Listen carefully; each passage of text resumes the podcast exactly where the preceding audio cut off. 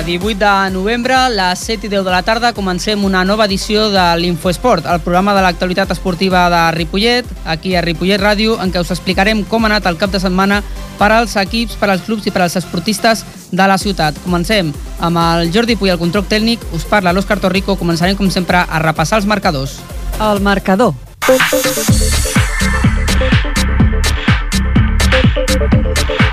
Futbol. A la segona catalana l'equip de Víctor Ortiz es retroba amb el triomf. Si era un... Sí, perdona, Brian Calvo, bona tarda. Bona tarda, Òscar. Si era un club de futbol Ripollet 2, els gols de, Dani, de Daniel Martínez i Abdel. L'equip va situar en cinquena posició amb 21 punts de 33 possibles. A la tercera catalana nova ensopegada de l'equip de Javier Varela, que suma 6 derrotes en 11 jornades. Pajail 0, Matadepera 2. Els ripolletens se situen en 14a posició amb dues victòries en 11 partits. Seguim a la tercera catalana, per primera vegada encadena dos triomfs seguits l'Escola Futbol Base. Escola Futbol Base Ripollet 1, Polinyà 0. El gol de Juan Antonio García i els situa en novena posició amb 14 punts. Baixem cap a la quarta catalana, l'equip del segon equip de l'Escola Futbol Base que segueix sense conèixer el triomf a la Lliga. Escola Futbol Base Ripollet B 3, Sant Santa Maria Moncada 5. Dos gols de Daniel González i un de Genís Rosa, avant penúltima amb un punt amb 8 partits. I acabem amb la quarta catalana, segueix sumant tots els partits per derrota i tanca la classificació al Camp Mas. Eh, Miracol, Mirasol. Mirasol Baco 4, Camp Mas 2. Gols de, Javi, de José Martínez de penal i Raúl Sánchez. L'equip es situa en- amb 0 punts en 11 partits. Anem cap al futbol femení, a la segona catalana femenina, el club de futbol Ripollet femení que aconsegueix la primera victòria de la temporada. Club Futbol Ripollet Femení 2, Lourdes 0. Gols de Judit Ibáñez i Elena Torralba. Quart per la cua amb 5 punts. Sumen la primera victòria de la temporada i, en canvi, el que era líder, l'Escola Fut- Futbol Base, que perd al camp del Pobilla Casas, el segon classificat. La primera derrota de la temporada per les ju- jugadores ripolletenques. Pobilla Casas 7, Escola Futbol Base Ripollet B 1. El gol de les ripolletenques el va fer Blanca Martín i deixa el liderat l'equip i passa a la segona posició de la classificació. Anem cap al tenis taula. Primer nacional, l'equip de Miquel Arnau, Juli Andrade i Raül Porta es retroba amb el triomf. CTT Ripollet 5, Arteneu Sant Joan d'Espí 1. Suma 5 triomfs en 7 jornades i es situa tercer a la classificació. Resultat de físic-culturisme, l'Ivan Egea, que ha quedat setè en el Mundial de Físic-Culturisme celebrat a París, parlàvem amb ell després del seu triomf la, la setmana passada a l'Open de Catalunya i aquest cap de setmana setè al Mundial celebrat a París. Anem pel bàsquet. Victòria del Cl- Club Bàsquet Ripollet a la primera catalana. Club Bàsquet Ripollet de 63, Sant Boi 59. I l'equip es situa cinquè a la classificació. El segon equip suma un nou triomf. Club Bàsquet Ripollet B 84, CE Estucom Tecno B, B 43. L'equip, el segon equip del Ripollet es situa primer a la, a la taula classificatòria. El nom costava, eh? Sí, Estucom Tecnokey, déu nhi El Gassó està invicta a la Lliga. Sant Llorenç 32, Gassó a masculí 65. L'equip del Gassó es situa segon a la classificació. Estem parlant de la tercera catalana i una altra derrota pel segon equip del Gassó, també la tercera catalana. Club Esportiu La Marina 72, Gassó B 51. Últims a la classificació sense cap triomf. Anem cap al bàsquet femení, tercera, eh, perdó, a la tercera catalana, una derrota del Gassó femení. Sant Gabriel Viladecans 64, Gassó femení 38. I es situa l'equip femení en sisena posició a la classificació.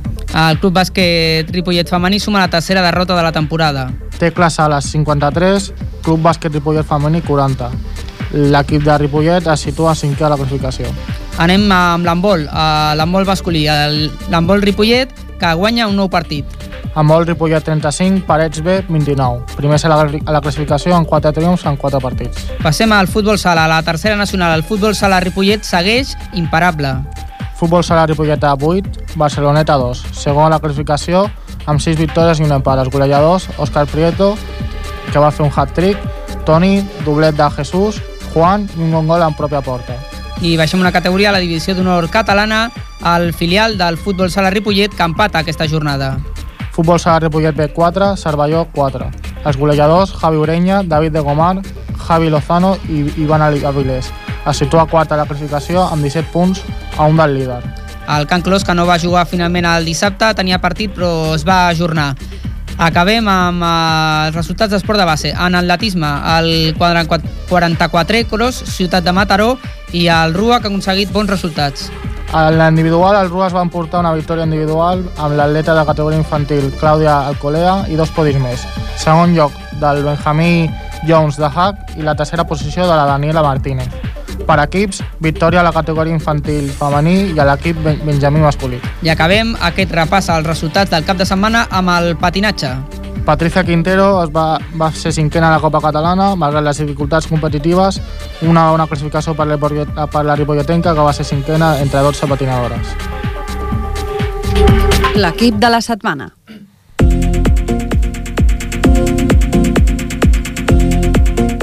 Doncs comencem a fer una mica un repàs més exhaustiu d'aquests resultats, d'algun d'ells. No podem fer-ho de tots, però d'algun d'ells en parlarem una mica aquesta tarda. I per començar aquest repàs, eh, li donem les gràcies al Brian, al Brian Calvo, el nostre company, que després el tornarem a sentir. Gràcies, Brian. A tu, Òscar. Per començar aquest repàs, eh, parlarem de futbol i ho farem del, del Club de Futbol Ripollet, de segona catalana. Per fer-ho tenim el nostre company, el Jordi Soteres. Jordi, bona tarda. Hola, bona tarda, Òscar, què tal? El Club de Futbol Ripollet que ha tornat a guanyar. Sí, ha tornat a guanyar, en aquest cas 1-2, amb un partit que va tenir controlat des del principi, un control total a la primera part, a pesar de que el Cirera es va adelantant al marcador en el minut 10, però el nou fitxatge provenient del Moncada, el Dani Martínez, va empatar el partit i així va acabar el primer temps. Destacar que en el partit faltava per sanció el jugador Kim, que per mi és un jugador titular indiscutible i un jugador que marca la diferència. El Kim i el Michael també faltava sí, perquè van ser expulsats Michael, a la jornada anterior. I el, I el Michael, del qual després vull fer un petit comentari. Ja en el segon temps el Ripollet surt decididament pel partit i en el minut 3 d'aquesta segona part a la sortida d'un córner i després de diversos refusos li cau la pilota a l'Abdel, una altra vegada aquest jugador que només ha de posar la pilota una miqueta, l'ha de tocar perquè, per fer que l'equip tingui una victòria més. Aquest jugador ja és reiteratiu en el fet de que marqui aquests gols. Una altra vegada gol d'aquest jugador, que dona punts molt importants. El Cirera va provocar, sense èxit, alguna ocasió de gol, sobretot a pilota parada, sense resultat positiu, per sort pel Ripollet. I destacar això que deies, diu, i el Michael. El Michael és un jugador que jo vaig fer uns comentaris al principi, perquè em donava la sensació que era un jugador d'un cert nivell, però noi ha desaparegut. És un jugador que ha desaparegut, jo no sé si en realitat a aquest jugador li agrada jugar a futbol o no, jo l'espero no des d'aquí perquè jugui, perquè no és dolent. Ara, si no jugues, si no estàs mm, compromès amb l'equip al 100%, pues, ell mateix. Mm, es va desconnectar de... Sí, sembla que estigui una mica i... desconnectat perquè ha desaparegut. Això és cosa d'ell, per això. Seguim, Jordi. Tens algun comentari més? Sí, no, no. Entorn al partit, doncs, bueno, que és un equip que va, va dalt amb un, amb un campionat que serà francament complicat. Eh? És un campionat que és molt, molt difícil, perquè deia, llegia avui al Mundo Deportivo i deia el Mataró sorpresivament guanya, bueno, però és que, escolti, el Mataró anava tercer i guanya en el segon, i és un, serà molt apretat. I el Premià, el Mataró, el Carmelo, el Ripollet, el Sants, el, el Molletense, que jo crec que desapareixerà. Perquè Ma, massa equips, eh? Massa Hi ha equips molts equips, sí, sí, sí. I això és una cosa a tenir en compte, eh? perquè la realitat és que és força, força complicat posar-se en aquí i, i, i, i assolir un, un lloc a dalt. Eh, serà, per mi és molt complicat i quan veig les... Sobretot és molt important els escors, no? gols a favor i gol en contra de tots els equips. Mm. I bueno, el Ripollet és un equip que no li fan masses gols, però trobo que mm, si pogués fitxar un jugador que fes gols, és l'assignatura pendent. Jo trobo que el Ripollet, que juga amb força bé, el, el, el seu punt dèbil és no tenir un golejador, aquell jugador que fa 10, 15, 18 gols a la temporada. Jo ja, trobo que... S'està repartint sí, sí, sí, sí, sí, to, i, i mira que s'esforcen, eh, perquè el cos tècnic al mateix club em consta de que van darrere de, de, de, de poder trobar jugadors sempre que sigui possible econòmicament, que és molt difícil, clar. Mm. Fins i tot s'ha fitxat un jugador de fa unes setmanes, però... Sí, sí, bueno, no, s'han fitxat dos. El un, Dani Martínez del Moncada, no? Sí, sí, el Dani Martínez que ve del Moncada i llavors un jugador, Gerri, em sembla que un jugador de, del Mollet, que ja també ha debutat jugant un, una estona, i bueno, s'esforcen. Sí que és veritat que hi ha, hi ha un jugador, Marc, que ahir va tenir una lesió important, mm -hmm. eh, el Marc Caballero va tenir una lesió molt important ahir, que esperem que no passi d'aquí, perquè això sí que seria... és un, pena. és un jugador que va començar d'una manera, bueno, una mica dubtosa en el joc, mm -hmm. però que ara està en un moment fantàstic, i justa, sí. justament ara aquest jugador va i es trenca. Esperem que, que sigui el més mm, senzill retorn possible. més ràpid possible. Exacte, no? i que la lesió no sigui forta, mm. que si no seria amb un jugador amateur això és molt complicat. Sí. Em sembla que tenim a l'altre costat de telèfon un dels jugadors de la primera plantilla del Ripollet, el Dani Torrecillas. Dani, bona tarda. Hola, buenas tardes. Hola Dani, buenas tardes, ¿qué tal? Buenas tardes. Bueno, vamos a ver, mm, para introducir un poquito, eres un jugador de Ripollet en una temporada con varios futbolistas de, de nuestra localidad en el primer equipo y vamos a ver, ¿cuál es tu historial futbolístico en, equipo, en los equipos que has jugado? ¿En qué equipos has jugado, vamos? Mi historial, pues empecé de pequeño en el Pajarín, Sí, de allí luego salía de luego de Pajarín salía Mercantil, sí, perfecto, mercantil, luego después de Mercantil fiché por DAM, que Eh. estuve tres años allí, muy bien. fui a San Andreu y acabé juvenil en Mollet. Estupendo, estupendo. Bueno, buenos equipos. La verdad, la verdad es que has jugado en equipos de, de- de fútbol formativo importantes. Ayer jugaste 90 minutos de partido. Sí. Ya jugaste bastante también el partido anterior. ¿Cuáles son tus sensaciones del partido de ayer? Mis sensaciones, bueno, pues a nivel general, sobre todo, como has comentado, fue un partido muy dominado y en una jugada de, una jugada puntual fue en la que ellos se adelantaron el marcador. Ujú. Luego nosotros est- estuvimos muy serios todo el partido y bien puestos, bien cerra- bien bien cerrados atrás y todo y conseguimos remontar el partido.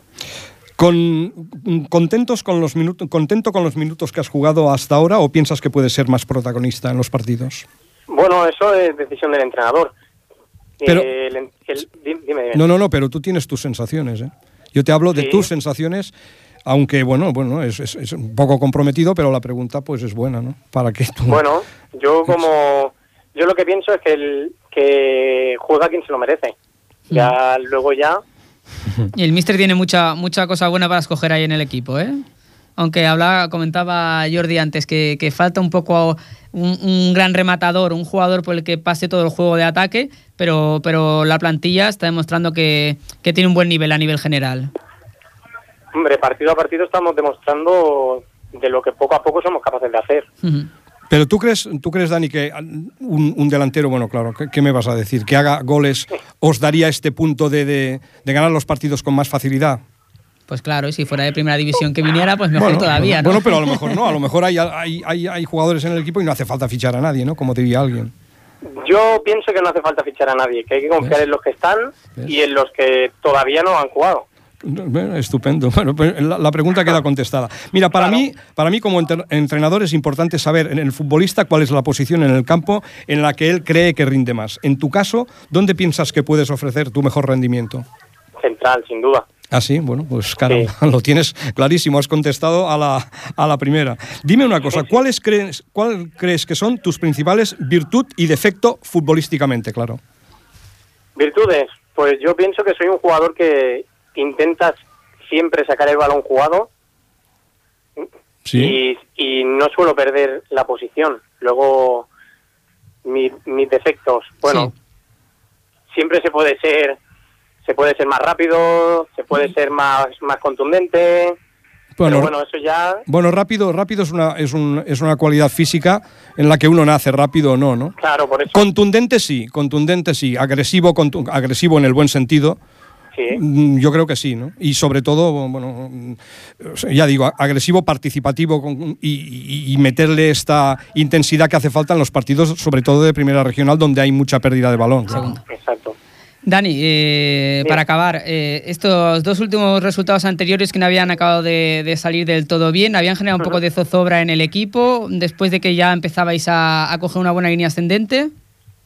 No, no, todo lo contrario. Nosotros sabemos que cada partido cuesta más que el anterior y, y es lo que nos hace poner los pies en la tierra. Aquí no, no hay que pensar nada, nosotros vamos partido a partido y ya está. Muy bien, pues que sigáis partido a partido ganando y que podáis estar ahí el- en la lucha, que imagino que es lo que queréis a final de temporada, ¿no? Bueno, ya como he dicho, partido a partido y lo que vaya viniendo, pues vendrá. No se lo consigue, ¿sabe? os, os- os tiramos, pero no, no conseguimos ahí que lo digáis. De todas formas, de todas formas, Dani, yo sí que te aconsejo que le pongas un pelín, un pelín más, unos kilos más de agresividad. Yo, Bueno, todo. Te lo digo porque te he visto- partido a partido. Sí, sí. No, no, no, no, no. La agresividad no es partido a partido. La agresividad se tiene. La agresividad es una cuestión mental, es de actitud, ¿eh? Sí, pero en cada partido es necesaria un Sí, tipo sí. u otro, porque a veces te dejas llevar y algunos delanteros también te buscan y al final pues no, no hay que caer en, en según qué juegos tampoco. Ya, ya. No, pero Dani ya me Gra- entiende a mí. Gracias, Dani. Gracias, De Dani. nada. Buenas tardes. De nada, buenas Adiós, tardes, adiós. hasta luego. Cara i creu.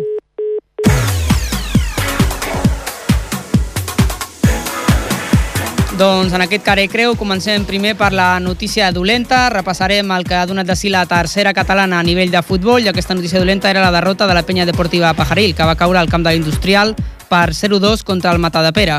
En la plujosa i ventosa tarda del dissabte, l'equip de Javier Varela es va veure superat per un rival molt ben posicionat al terreny de joc i que en la primera jugada clara de perill doncs, va notar el quart d'hora de joc i va aprofitar una vegada de la defensa per posar-se per davant al marcador. De fet, el Matadepera no- només necessitaria tres o quatre oca- ocasions clares al partit per fer-ne dos gols. En canvi, el Pajaril va dominar el joc durant tot el maig, però li va costar tenir ocasions clares i quan les tenia doncs, no les rematava. Ni l'Eros, ni l'Ismael, ni el Carlos ho van poder fer a la primera meitat. El gol en contra va incrementar l'ansietat d'un equip que veu com els resultats no li van gens de cara. De fet, dels últims quatre partits a casa, només n'ha guanyat un i va ser contra el Cué. Aquests nervis fan que l'equip de vegades busqui la jugada més complicada, perdi pilotes i desaprofiti l'última rematada. A la segona part, l'ocasió més clara per l'empat va ser d'Adam, però hi va faltar una mica més de rosca al seu xut, que se'n va anar una mica tocant el pal dret de la, de la porteria. Pocs minuts després, però, al minut 71, el Matadepera certificaria el triomf amb una sacada de córner que va rematar de cap un jugador i que va deixar el 0-2 que seria definitiu al marcador perquè l'equip del Pajaril ho va seguir intentant però ja era conscient que era massa tard per la reacció. Al final del partit vam poder parlar amb l'Ignasi Serra que ens explicava que, que l'equip no baixa els braços i que segueix lluitant. jo crec que hem fet mèrits més que suficients per, per, per marcar i per endur jo crec que hem fet mèrits més que suficients per, per, per marcar i per endur-nos el partit. Eh, no, no, no hi ha sort de cara al gol, estem un moment la sort no, no, juga, no ens va de cara i, i no vol entrar la bola. L'equip eh, es veu una mica ansiós, potser una mica nerviós, eh, perquè els resultats no acaben d'arribar.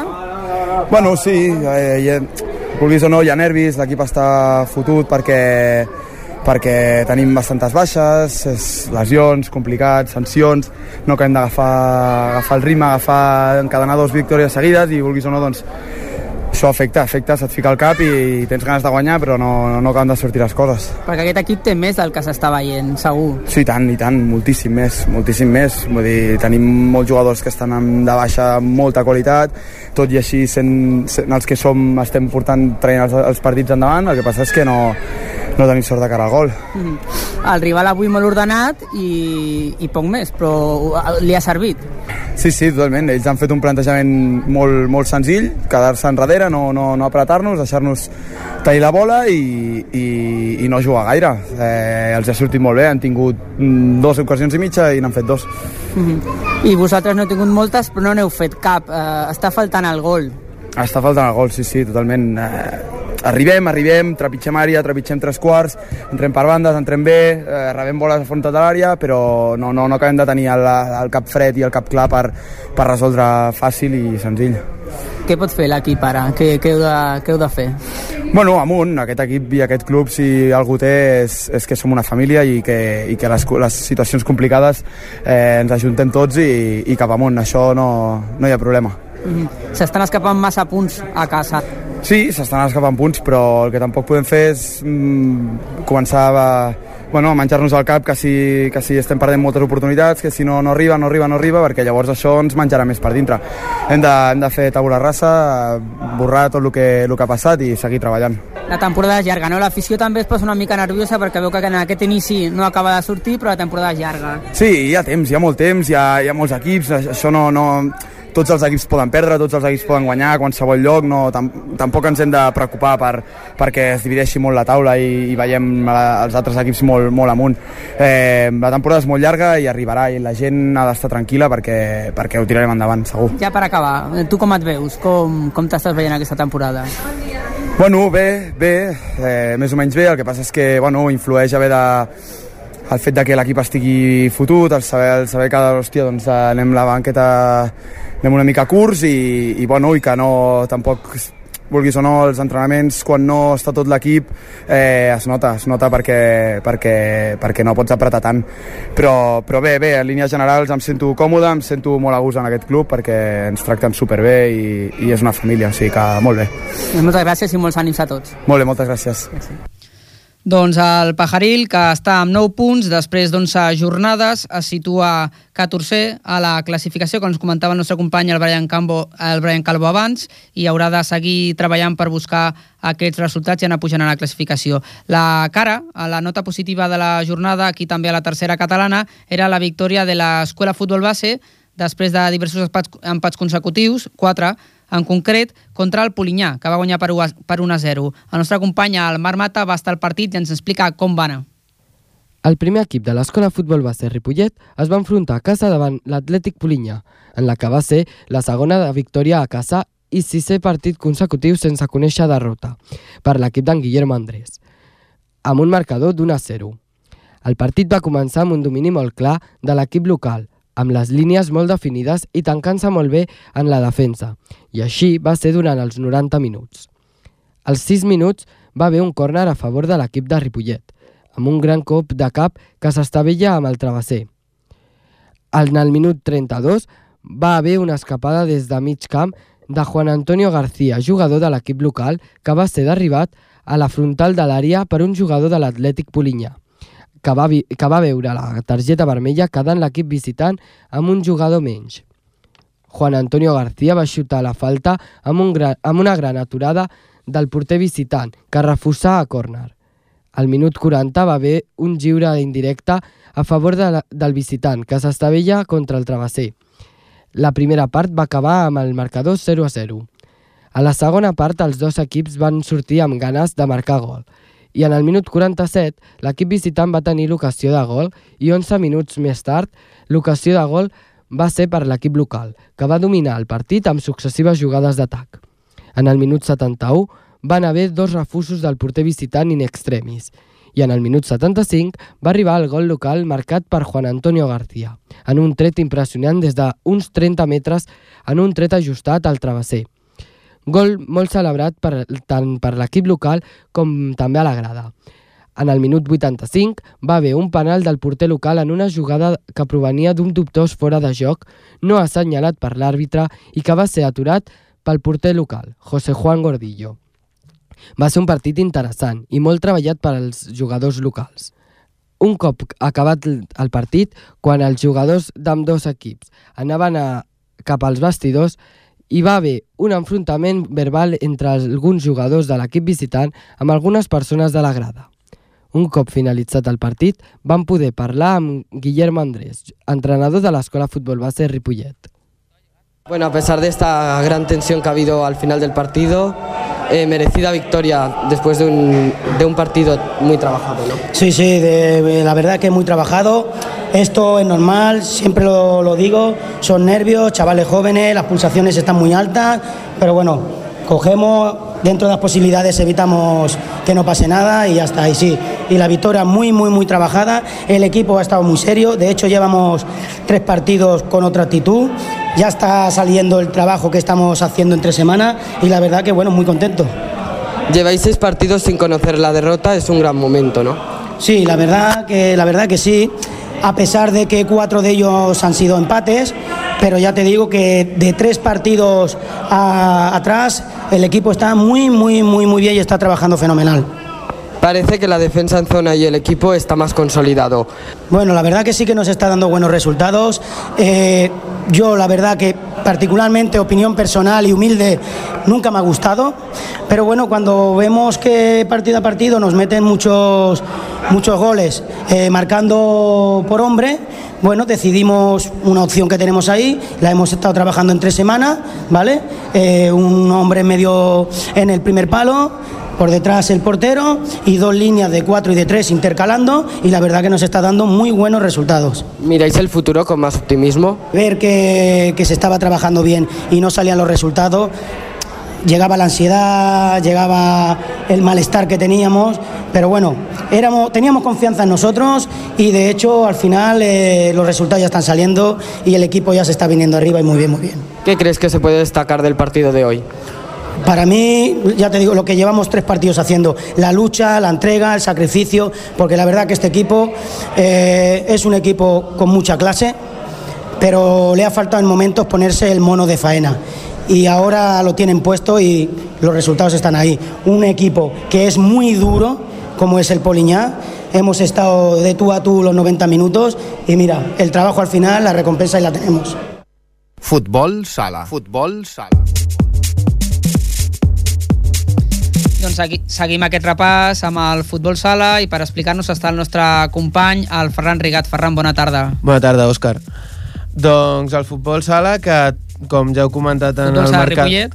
Futbol sala Ripollet, com ja heu comentat en el marcador, està d'una forma estan imparables, és una forma física impressionant i aquest cop van tornar a guanyar en una ratxa d'equip gran, només un partit fora de, de casa amb un mal resultat fora de casa que va ser un empat, tots els altres partits guanyats i d'aquests eh, de, set, dels, dels set partits guanyats, sis han sigut golejades i aquest cap de setmana la víctima ha estat el Barceloneta amb un contundent 8 a 2.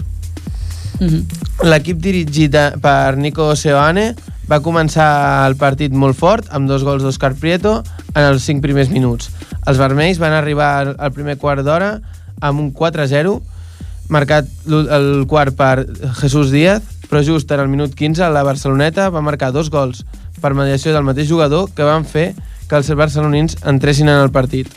A la segona part, els locals van tornar a endollar-se al partit i van seguir golejant fins a arribar a la, a la, vuit, a la vuitena de gols acompanyats amb una defensa molt ben treballada, que de moment és la millor de la Lliga amb només 13 gols encaixats.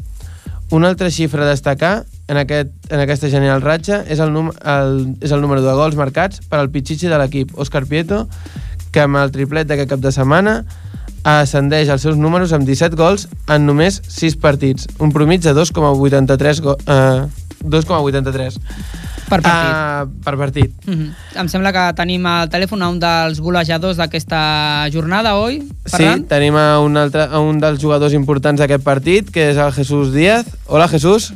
Hola, bona tarda. Hola, bona tarda. Uh, he acabat parlant de l'Òscar, et faig una petita pregunta. Uh, uh, ajuda bastant aquest tipus de... de o sigui, les noves incorpor- incorporacions? Han ajudat a que la ratxa sigui tan bona?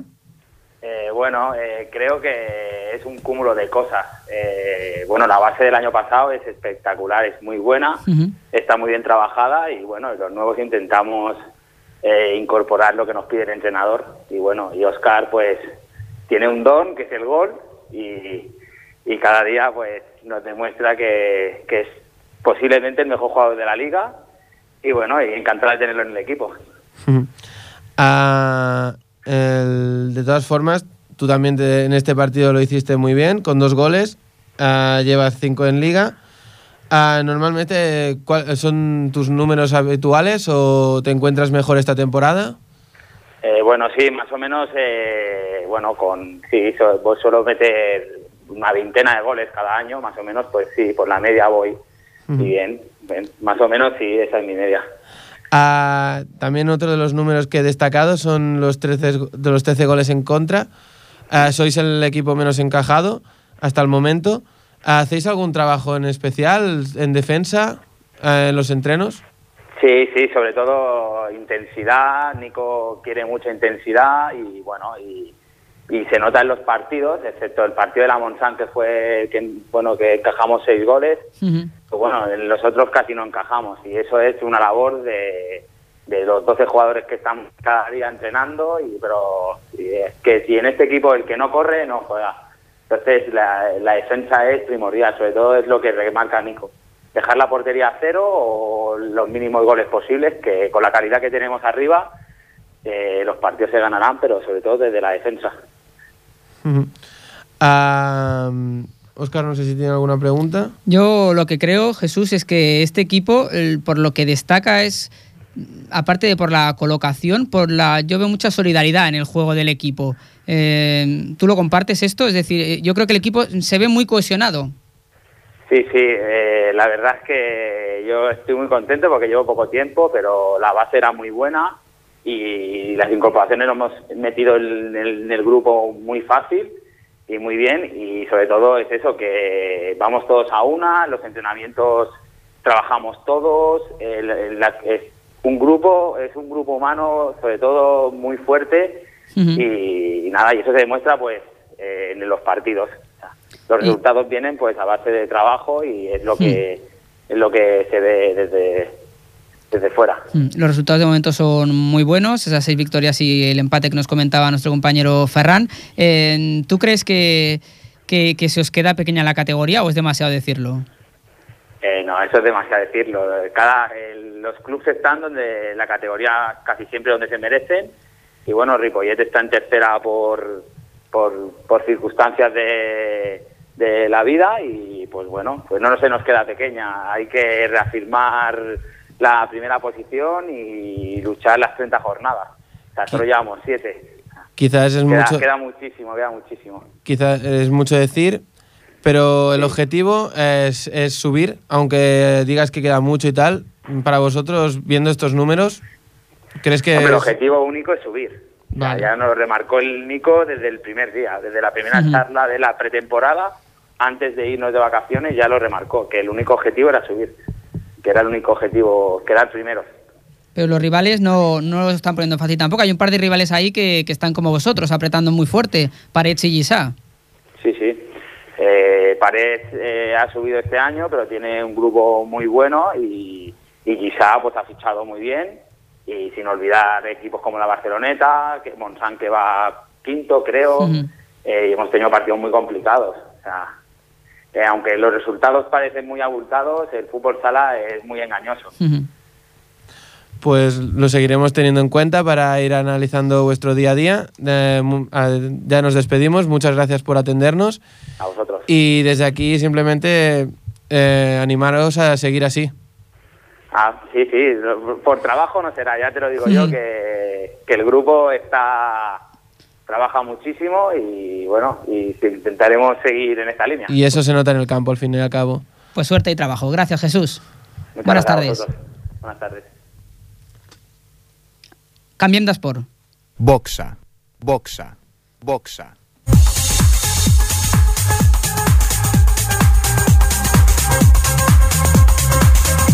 Canviem d'esport i anem cap a la boxa perquè tenim una notícia aquesta setmana i volem parlar amb, amb un dels seus protagonistes. La nostra companya, la Mèriam Lara, està aquí amb nosaltres i ens explicarà. Mèriam, bona tarda. Bona tarda. Tenim una notícia de boxa. Sí, de Remedio, Remedios Aragón, junto con, junto a José Antonio Estevez, que els dos han sigut convocats eh, per la Federació Espanyola de Boxa.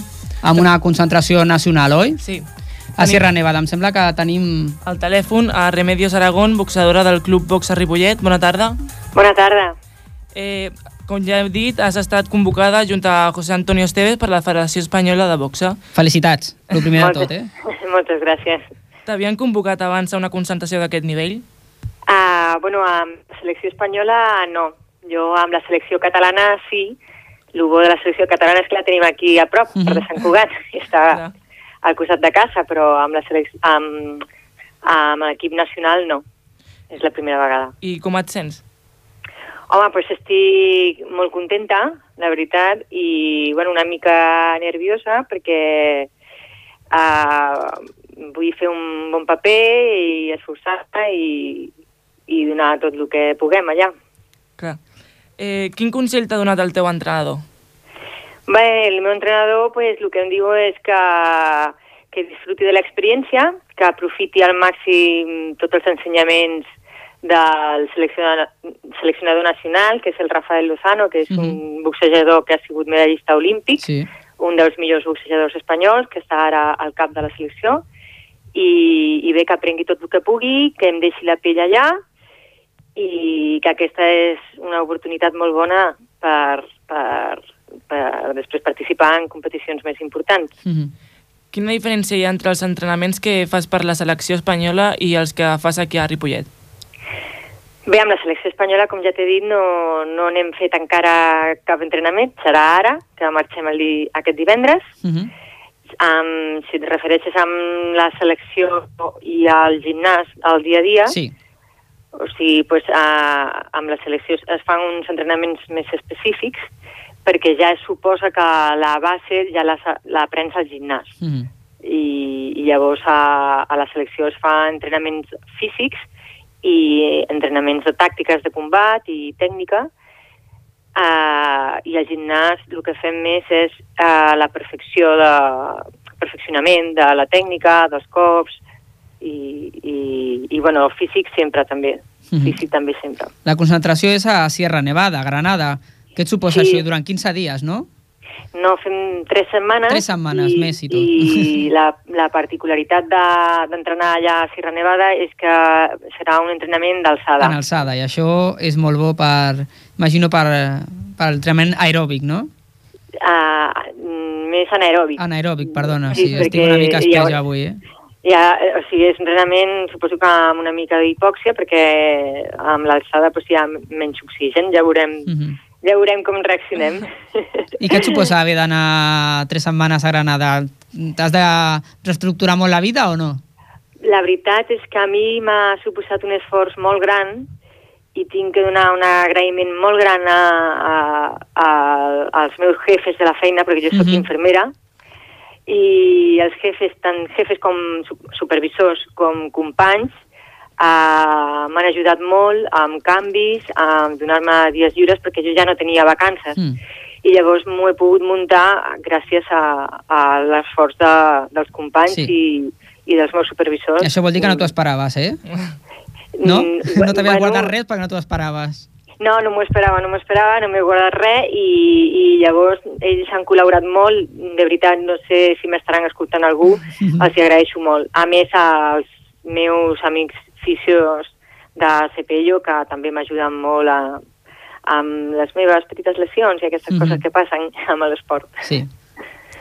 I hi ha hagut una polèmica amb la Federació Internacional AIBA que no ha permès competir a Espanya en els Mundials perquè els boxejadors van competir en, en categoria neoprofessional. Què creus tu sobre aquesta notícia? Bé, jo sobre aquesta notícia, aviam, hi ha dos punts de vista, que està clar que és el punt de vista de l'esportista i el punt de vista de, dels federatius del reglament. Llavors, el reglament està per complir-lo. Mm. Si, si ens hem saltat algun reglament, pues, no, no només ha sigut Espanya, sinó que han sigut més països que no han pogut participar per, mm, bueno, per, per això de, dels reglaments d'aigua. Sí. No sé, jo no me'l sé Mhm. de, de punts i comes als reglaments. Mm. Però sí que hi ha un altre punt de vista, que és de l'esportista, que la veritat hi han companys que s'han deixat la pell, Sí. que, que han entrenat molt, Mm. que han deixat feines de costat per anar a, a participar a aquest Mundial i llavors a, a dos dies de la competició els hi han dit que no Mm, i, i la pena. La veritat això de cara a l'esportista pues, és una pena perquè a Mm. més estaven molt preparats i estaven segur que haguessin fet un bon paper en aquest Mundial i això Mm. jo, jo ho veig des del punt de vista de l'esportista i la veritat que em fa molta pena i els dono molts, molts ànims des d'aquí als companys. Doncs els enviem aquests ànims i, i també ànims a tu també i que aprofitis aquesta, aquesta experiència tan bona i tan important que, que et dona la Federació Espanyola. Gràcies, Remedios. Gràcies, Bona un, sal, un saludo a Club de Boxa Ripollet, al Zona de Combate i al Top Gin Girona. A I tota la a- gent que fa boxa aquí a i Ripollet, que són molts. Cortés. adéu, adéu. Gràcies, bona tarda, Remedios. Adéu.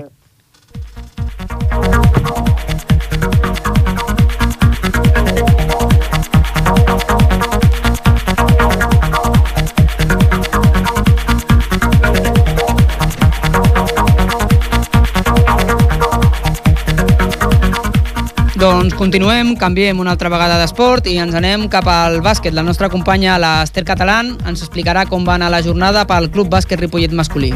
Bona tarda, Ester. Bona tarda, Òscar. Eh, victòria de l'equip del Carles Tatxer després de dos derrotes consecutives. Com ja hem dit abans els resultats, el partit va finalitzar amb un 63-59 a l'electrònic. Els blaus van començar molt bé la temporada, però les derrotes tenien que arribar. Amb dos partits consecutius perduts, la setmana passada contra l'Almeda i l'anterior contra el Bàsquet Sitges, l'equip va, va sortir amb ganes de trencar la mala ratxa. Els de Sant Boi, que estaven situats a mitja taula, però, van aprofitar qualsevol possibilitat de guanyar. Aquesta setmana els locals van poder comptar amb la reincorporació, no al 100%, del base Albert Ortega després de la seva lesió i amb Francesc Márquez amb el que van poder parlar després del partit. Sido un partido bastante complicado porque no nos hemos podido mantener por encima en el marcador y bueno, hemos perdido la concentración en algún minuto y eso ha hecho que provocaran muchos contraataques ellos ofensivos, pero bueno, al final hemos sabido arreglarlo y hemos podido pararlos un poquillo. Bueno, personalmente después de tres semanas casi sin jugar a baloncesto, bueno, me faltan un poquillo de las de entreno, me veo un poquillo verde aún, pero bueno, con muchas ganas y a seguir adelante. El primer quart va començar bé per als blaus. Gràcies a la forta defensa van aconseguir recuperar boles, que els van permetre fer forces contraatacs i dominar així els primers 10 minuts del partit. Al segon quart, però, el Sitges va dominar... El... Ai, perdó, el Sitges no, el Sant Boi. Va dominar el rebot ofensiu, fet que els va fer permetre cistelles fàcils i remuntar fins a igualar el marcador, 30-30 a la mitja part. Als primers minuts del tercer quart, els visitants van dominar el ritme del partit. Van aconseguir contraatacs fàcils que els van fer posar pel davant a l'electrònic. Va ser llavors quan els Altatxer van començar realment a posar la intensitat necessària, si volien guanyar el partit, i a falta de pocs segons va acabar el, per acabar el quart van aconseguir remuntar i posar una diferència de 4 punts, 47-43. El darrer quart no va ser gaire diferent, tot i que no va ser fàcil, els blaus van continuar amb la remuntada, deixant un marcador final de 63-59. Victòria desitjada per l'equip local, però gens fàcil. Es col·loquen així cinquens a la classificació, però empatats amb els quarts, tercers i segons. La setmana vinent s'enfrontaran fora de casa contra el Club Bàsquet Viladecans Sant Gabriel A, equip que se situa just per sota d'ells a la classificació i amb només una derrota més. Doncs moltes gràcies, Esther, i esperem que, que consolidin aquesta, aquesta nova línia l'equip i segueixi pujant cap amunt. Gràcies, Esther, bona tarda. Gràcies, bona tarda. Febre d'esport.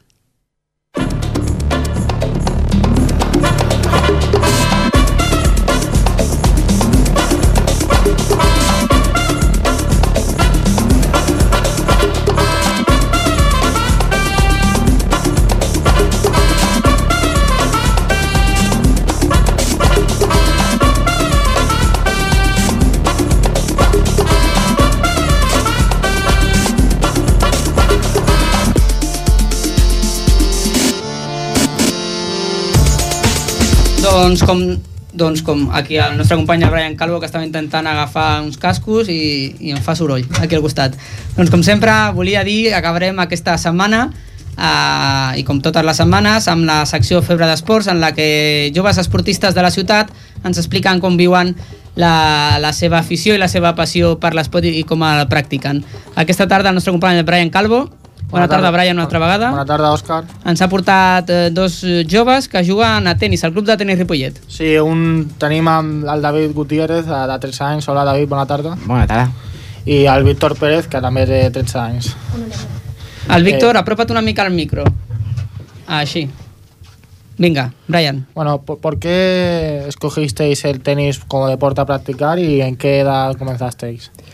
Eh, bueno, pues eh, yo empecé a, a, una edad no muy temprana, ¿no? Y, y más bien me tocó por, por, herencia, debido a que pues mi padre eh, jugaba bastante al tenis y, y eso me, me, lo pasó. Uh -huh. Y bueno, yo eh, comencé también porque mi abuelo jugaba mucho al tenis y le gustaba mucho y cuando comencé a practicarlo pues me gustó y comencé a, a jugar.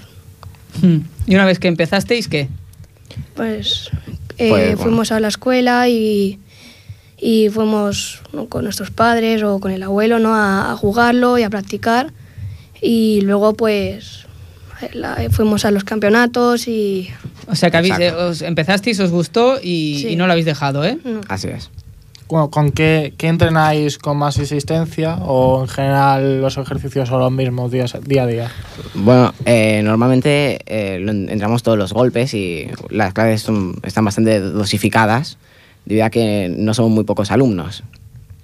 Eh, y eso, te, nuestro profesor Lucas intenta, intenta hacerlo lo mejor que puede, ¿no? Y lo consigue. Y eso mostramos bastantes progresos. Sí, nos intenta pulir todos los golpes, eh, intentamos tocar un poco de todo, ¿no? Hacer ejercicios, eh, hacer saques y luego mm. pues hacemos un poco de, de, tiempo libre, ¿no? A jugar. Y, y son juegos, bueno, son juegos bastante intensivos ya que te hacen correr bastante y... Está, Coger está fondo, ¿no? También, sí. que es necesario. Exacto. Sí. ¿Qué, os, ¿Qué os gusta más del tenis? Eh, bueno, a mí eh, principalmente lo, lo que me llama la atención del tenis es que no, no es un juego demasiado violento, ¿no? Ya que el rival se encuentra detrás de, de una red y eh, eso impide cualquier tipo de agresión o, o violencia por parte del rival. Lo ves un deporte tranquilo, ¿no? Sí, es bastante limpio y Y a mí me gusta, la verdad es que me gusta todo, ¿no? Me gusta la manera de jugarlo y lo- las herramientas, ¿no? En el caso la raqueta, pues me gusta, me gusta bastante en general todo el, todo el tenis. ¿Tenéis alguna especialidad o algún golpe que se os dé mejor? Sí. Eh, a mí, en mi caso, se me da mejor el drive porque lo he practicado más durante durante, Durante todo el tiempo que sí. ¿Y en ti, David? Bueno, eh, yo diría que voy sufriendo altibajos, ¿no? Es decir, algu- algunas temporadas tengo mejores golpes y, y digamos que el drive se me da mejor, ¿no? Pero, pero bueno, últimamente eh, me, especia- me especializo más en el revés y, y mi Lo has, saque... lo has ido mejorando, ¿no? Exacto. Pero y- dice algunas, tem- algunas temporadas, pero ¿cuánto, ¿cuánto tiempo has dicho que llevabas entrenando? eh, bueno, eh, conozco de niños que empezaron bastante antes que yo, ¿no? Mm. Y, ¿Y tú empezaste cuándo? Diría que 8 o 9. Bueno, entonces no llevas tantos años, llevas cuatro años o así, ¿no? Eh, sí, así es. ¿A- ¿Algún ídolo de referencia en la actualidad? Están los Nadal, Djokovic, Federer. ¿Qué, qué estilo Hay mucho para escoger, más? ¿eh? Eh, sí, a mí me gusta nadar porque me gusta eh, cómo lucha, ¿no? Por ganar los partidos y por llegar a ser el número uno en, en todos los campeonatos y me gusta me gusta cómo lucha por Bueno, a ver, he dicho, he dicho estos, pero hay Hay muchísimos. más, hay más. Pero en esto de Nadal comentaba ahora Víctor una cosa importante, el tema de cómo lucha. Y yo creo que, que hay un punto muy importante en el tema psicológico en el tenis, ¿no? También, Mm, eh, sí. que, que influye mucho la, la cabeza. No es solo el físico, sino que tienes que también tener una buena cabeza para durante el partido, pues no venirte abajo, ¿no? Sí. Y, y- y seguir adelante. Sí, sí. David. Eh, sí, la moral eh, toma bastante parte en el partido. O sea, es realmente importante no, no venirte abajo porque en ese caso tienes las de perder, ¿no? Y bueno, yo también eh, quería destacar a, a David Ferrer debido a esa virtud que tiene también, igual que Nadal, de, de a pesar de ser bastante más bajo y Hmm. enfrentarse a, a, a rivales mucho mayores que De él. mucha pues, corpulencia. Exacto. Aún así, él, él le echa ganas y puede acabar ganando perfectamente. Sea, debido a un, por mucho pequeño que sea con respecto a otros jugadores, David ha llegado a ser tercero de, de la. ATP, o sea que... eh, en el ¿Y esto por qué creéis que es? Porque en el fondo el tenis también es un deporte que, que equilibra a todos los jugadores, es decir, que si, si te esfuerzas individualmente puedes igualarte con otra persona que, que a lo mejor pues no tiene tu físico, que en Claro. otros deportes es más complicado. Sí, porque si hay un jugador que tiene una eh, tiene un golpe más pulido, el otro tendrá otro golpe más pulido y eso lo hace más puede puede acabar ganando cualquiera de los dos. Eh, la combinación de, de estudios y de deportes, que a veces es un poco complicada, ¿cómo, cómo la lleváis? ¿Os afecta practicar el tenis eh, con bastante frecuencia? en Porque David ya estará en el instituto. ¿no? Sí, ya... eh, Esto ya yo- se complica, ¿no? Exacto, voy, voy a tercero de eso, ¿no? Pero eh, considero que el hecho de ir al tenis ¿no? y entrenar nos quita tiempo, eh, lo cual no, nos ayuda a organizarnos realmente y, y a prepararnos Mm. para el futuro, para, porque lo que se avecina no, no parece ser muy bueno, ¿no? Y realmente nos ayuda y eso nos ayuda a organizarnos mucho. ¿Qué, qué quieres estudiar en el futuro? Eh, realmente no lo tengo muy claro, ¿no? Eh, ¿Algo que te, que te guste? O... bueno, mm, me llaman la atención la- las altas empresariales y el tema económico. Sí. Y, y bueno, pues ya habrá tiempo ya que mucho empleo no hay actualmente. Pero has hecho, has hecho un poco necesidad, de necesidad de ver tú antes, decías que, que esto os ayuda a organizar, es decir, ve- ves un- una cosa positiva dentro, Así de, dentro de ello, ¿no? Ajá. David, a ver, perdona, Víctor. Eh, bueno, es igual, igual que David, ¿no? Que tienes que organizar tu tiempo y tienes que, si tienes unas actividades o unos exámenes, preparártelos antes. Y, y la Ujú. verdad es que el tenis es para mí un hobby, Y ¿Cuántas horas dedicáis al tenis a la semana? Eh, unas dos o, dos o tres o así. Dos o tres horas. Bueno, y- yo juego, eh, entreno dos veces a la semana, una hora y media, con lo cual son tres horas a la semana de, de entreno de tenis. Bueno, pues os deseamos que, que sigáis ahí entrenando, que, que, sigáis cogiéndole ese gusto y al tenis, y a ver si, si vais progresando y sobre todo que no os impida nada con los estudios y que podáis compatibilizar las dos cosas. Gracias David, gracias Víctor. A ti. Buenas tardes. Gràcies, Brian. Buenas tardes, Òscar. Bona tarda a tots. Ens retrobem el proper dilluns a les 7 i 5 de la tarda una altra vegada amb l'Infosport, amb tota l'actualitat esportiva de Ripollet. Ens acomiadem. Bona tarda.